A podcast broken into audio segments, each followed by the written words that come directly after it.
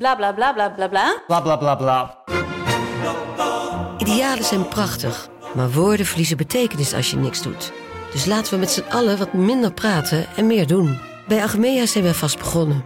Zo gaan wij voor minder verkeersslachtoffers, gezonde werknemers en duurzame woningen. Waar ga jij voor? Kijk op www.werkenbijagmea.nl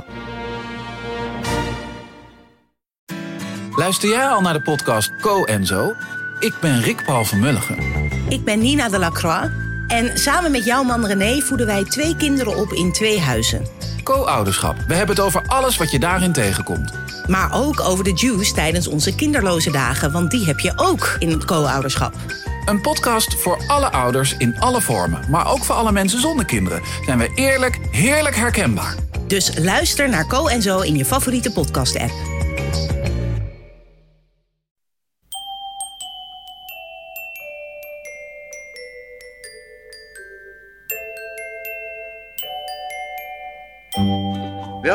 Aflevering 371 van Echt Gebeurd, de podcast waarin mensen hun eigen waargebeurde verhalen vertellen. In deze aflevering een verhaal dat Jet Berghout in september 2012 vertelde tijdens een verhalenmiddag rond het thema thuiskomen.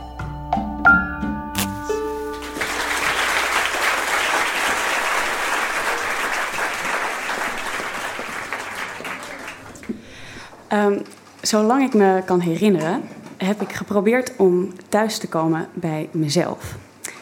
Dat klinkt misschien een beetje raar, maar ik vond dat heel moeilijk, omdat ik eh, gebukt ging onder het juk van mijn ouderlijk huis. Dat boven alles mijn thuis was. Dat ouderlijk huis dat staat in Amstelveen. En ehm, dat is een heel groot huis met heel veel kamers en een hele mooie tuin met hoge bomen. En ehm, met ook hele hoge boekenkasten met leeslampjes. En ehm, vaak gebraden vlees in de oven. En zelfgemaakte mayonaise in de ijskast. En nog meer heel veel lekkere dingen in de ijskast. Wijn en kaas. En ehm, met schone lakens op de bedden. En met een broer en een zus. En op het oog gelukkig getrouwde ouders.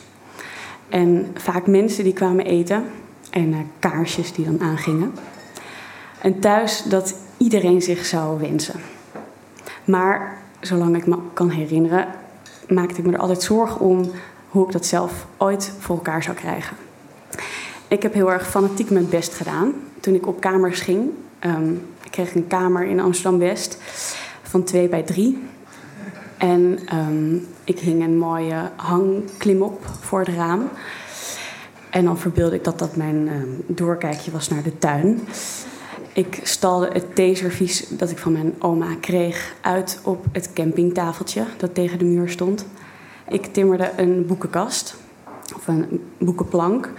En daar zette ik uh, mijn boeken op. En ik was als een kind zo blij. Maar ik woonde op kamers. En in het weekend was ik thuis. Op een gegeven moment ging ik groter wonen. En toen kreeg ik een eigen eettafel. Een grote eettafel en een keuken. En um, verhuisde ook mijn middelbare schoolspullen mee. En de meeste van mijn kleren. En het gekke was dat ik nog steeds op kamers woonde. En ik vroeg me af hoe dat kon. Was dat omdat, uh, omdat er nog altijd een stapeltje schone onderbroeken in Amstelveen lag? Of een flesje lenzenvloeistof op het badkamerplankje? Of gewoon omdat ik daar de meeste herinneringen had en de meeste mensen kende en het meest op mijn gemak voelde.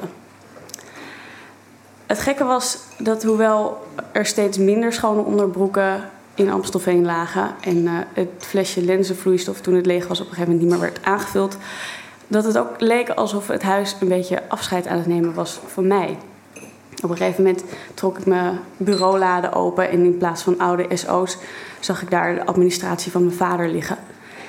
En op een goede dag stond er een schildersezel naast mijn bed. Maar het was eigenlijk door een vreemd misverstand dat ik me realiseerde dat het toch was gebeurd. Ik kwam uh, terug van een weekend weg met vriendinnen. En ik had uh, zo'n weekendtas op mijn schouder en een zakje met uh, nou, nog wat sneetjes brood en een half pak melk wat over was. En ik stak de sleutel in mijn voordeurslot toen mijn moeder belde. En die zei, hey schat, waar ben je? En ik zei, ja, ik kom net thuis. En toen zei ze, oh, is papa er ook? En zei ik, nee, Amsterdam. En terwijl ik mijn huis binnenliep en al mijn spullen zag die ik zo fanatiek had vergaard en mooi uitgestald, bedacht ik me dat het eindelijk was gebeurd. Maar in plaats van euforie voelde ik ineens teleurstelling. Want wat gek was, uh, en dat had ik me nooit gerealiseerd, een thuis is zoiets als een hartsvriendin of je lievelingsoma. Daar heb je er maar één van. En het leek net alsof ik op dat moment dat fijne grote huis in Amstelveen met die fijne jeugd en die broer en die zus en die ouders en die kaas en die wijn op dat moment afwees. En het leek alsof mijn moeder niets in de gaten had, die babbelde gewoon door. Maar op dat moment besloot ik om het woord thuis definitief uit mijn vocabulaire te schrappen. Ik had ooit een vriendje dat altijd zei als hij naar zijn ouders ging: Ik ga naar het Rafaelplein.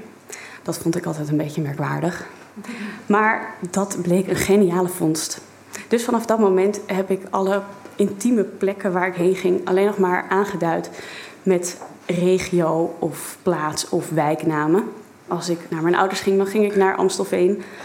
En als ik naar mijn kamer ging, dan ging ik naar de Van Ostadestraat. En zelfs als ik naar mijn grootouders ging, dan ging ik naar Soesduinen. Dat is nu ongeveer tien jaar geleden. En inmiddels heb ik zelf een heel groot huis met heel veel kamers. En meestal schone lakens en veel boeken, lekkere wijn en kaas. En als mijn moeder nu belt en ik ben thuis en um, ik heb zelfs de kaarsjes aan en ze vraagt waar ik ben, dan zeg ik in Bos en Lommer.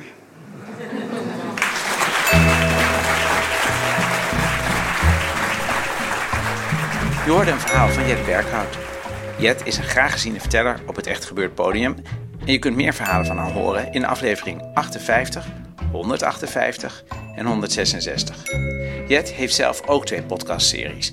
Eén over klassieke muziek, getiteld Beethoven is meer dan een hond. En één over Ennio Morricone, getiteld Alle wegen leiden naar Morricone. In verband met het thema thuis is het nog vermeldenswaardig dat Jet in 2010 bij uitgeverij Podium een boek publiceerde over haar ervaringen als thuishulp. Echt Gebeurd is een maandelijkse verhalenmiddag in comedyclub Toomler in Amsterdam. Op 18 september, over twee weken dus, hebben we een middag rond het thema kantoor. En we kunnen nog een paar extra vertellers gebruiken. Dus heb je een waargebeurd verhaal of ken je iemand met een waargebeurd verhaal dat zich op een kantoor afspeelt?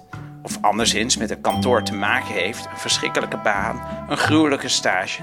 Laat het ons dan weten via het aanmeldingsformulier op www.echtgebeurd.net. En op 15 november aanstaande organiseren we een Rotterdamse editie van Echt Gebeurd. In het oude Luxor in Rotterdam worden die avond verhalen verteld met als thema een veilige haven. Er zijn nog kaarten, want het oude Luxor is behoorlijk groot en daar past veel meer publiek in dan in Toemler. Dus voor iedereen die in Toemler steeds achter het net vist als er kaartjes vrijkomen, kom op 15 november naar Rotterdam. Kijk voor een link naar de kaartverkoop wederom op onze website www.echtgebeurd.net.